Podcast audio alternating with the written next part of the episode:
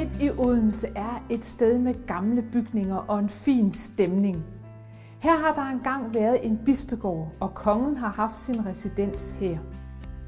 Stedet har også været ejet af en velhavende Odense købmand. Men det endte hos en adelig familie Brahe, og i begyndelsen af 1700-tallet der oprettede Karen Brahe et adeligt kloster for ugifte adelsdamer, der kunne tage ophold på klosteret.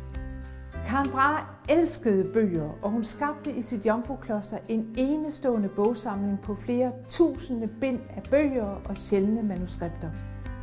Klosteret bestod helt frem til 1970, hvor de sidste adelige damer forlod stedet. I dag er Jomfruklostret smukt restaureret af Real Dania, og det benyttes af Syddansk Universitet. Karen Brahes bøger de er her ikke længere, men hvorfor ikke fylde det smukke gamle kloster med nye bøger? En samling af det bedste af nyere dansk litteratur. Velkommen til Majs Litteraturkanon.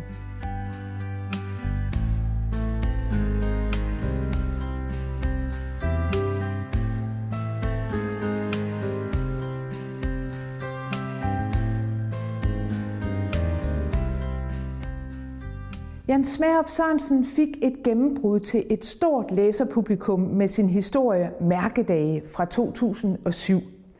Og det er ikke underligt, for fortællingen om to slægter og en dansk egen er skruet så godt sammen, at mange læsere kan genkende sider af deres egen familiehistorie. Man genoplever noget af sit eget liv, men romanen åbner også sine læsers øjne for, hvor omfattende de forandringer, der er sket med Danmark i løbet af det 20. århundrede, hvor omfattende de faktisk har været. I romanen der følger vi to familier fra den nordjyske landsby Stavn. Familien Godiksen på Biskår og familien Lundbæk på Christiansminde. Og de to familier de bliver gift ind i hinanden. Fortællingen den er bygget op om deres mærkedage. Den handler om tre store fester i familierne og i landsbyen en konfirmation, et sølvbryllup og en 60-års fødselsdag i henholdsvis 1934, 1967 og 2003. Beskrivelsen af den første fest den giver oplevelsen af hele det gamle landsbyfællesskab. Der er mere end 150 gæster med til Peter Goddiksens konfirmation i 1934. Men historien om ham kommer ikke til at fortsætte som konfirmandens far Søren Godiksen han forestiller sig. Peter vil nemlig ikke overtage gården. Han bliver britisk pilot under 2. verdenskrig. Det er Sørens datter Emma, der ender med at blive gårdens ejer. Hun har haft en problematisk kærlighedshistorie. Det er sådan, at hele landsbyen tror, at hun har ligget i med en tysker, men øh, det har hun nu ikke. Kærlighedshistorien ender jo med, at hun får en illegal abort, og derefter så frier hun til sin fars forkale, Orla. Emma og Orlas sølvbryllup i 1967, det er lige ved at udarte i noget af en skandale, da Orla han i fuld tilstand vil tage ordet og fortælle om, hvordan han føler sig brugt og misbrugt af Emma og hendes familie. Men det er sådan, at Emma hun kommer ham i forkøbet og holder i stedet en lang tale om, alt, hvad han har givet hende. Og så føler han sig komplet tværet ud i skidtet af, som der står, Emmas lille fod.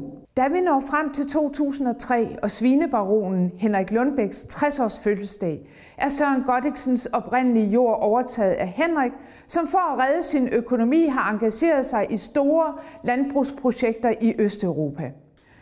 Henrik Lundbæk han bliver den sidste af de to familier, som har noget at gøre med landbruget. Og øh, ved hans fest, der blander sig advokater og bank og finansfolk sig med de bondefødte. Mærkedag den handler således om, hvordan det gamle landsbyfællesskab og dets gamle kultur går fuldstændig i opløsning. Den gamle landbrugskultur øh, og landet det går under i den globale udvikling. Og allerede gamle Søren Godiksen må se alt, hvad han har troet på forsvinde. Gården som livets uforanderlige centrum. Alle de gamle kønsroller og familiens og landsbyens sammenhold som sådan en blivende værdi. De kommende generationer de spredes for alle vinde.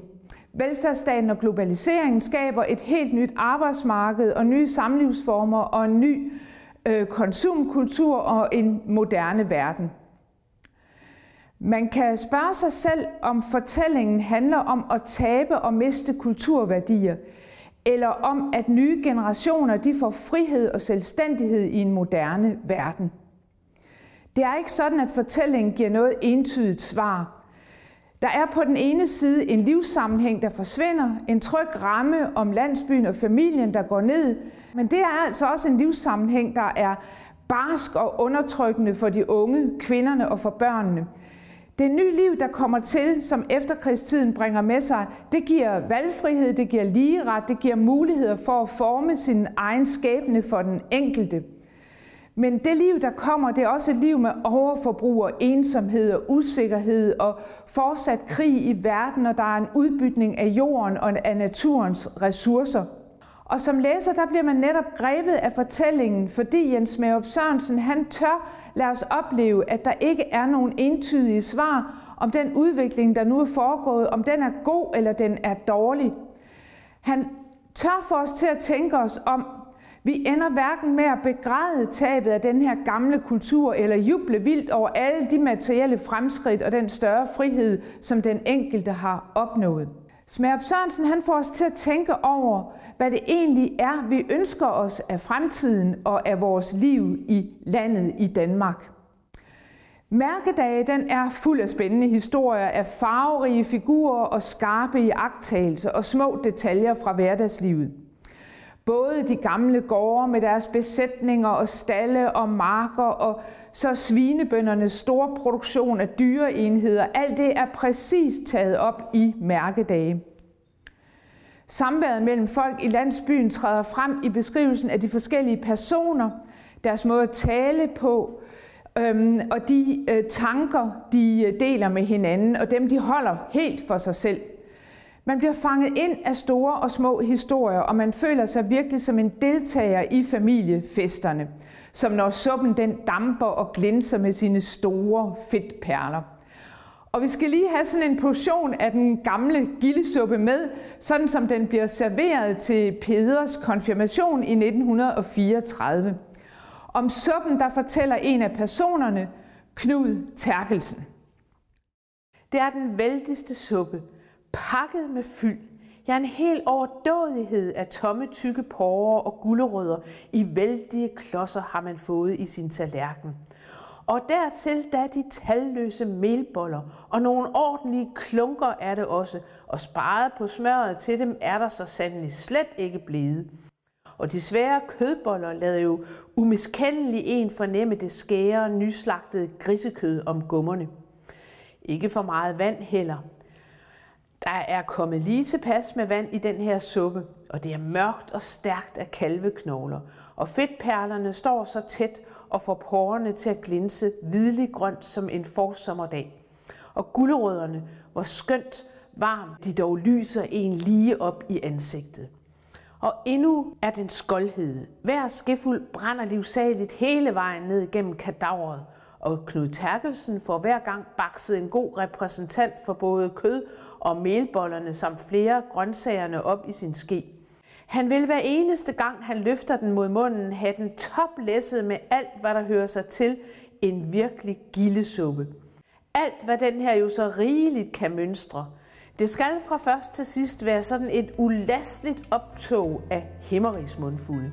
En djævels god skik at begynde med sådan en omgang, mumler han indimellem til sin Ingeborg. Og han sender en skoldvarm tanke til den fremmelige Else Andersen ude i køkkenet. Og ikke nok med, at han har hendes suppe her foran sig og Ingeborg ved sin side. Han er også blevet sat så heldigt, at han skråt til venstre for sig over ved bordet langs vinduerne har det bedst tænkelige udsyn til Maren Hannings røvballer.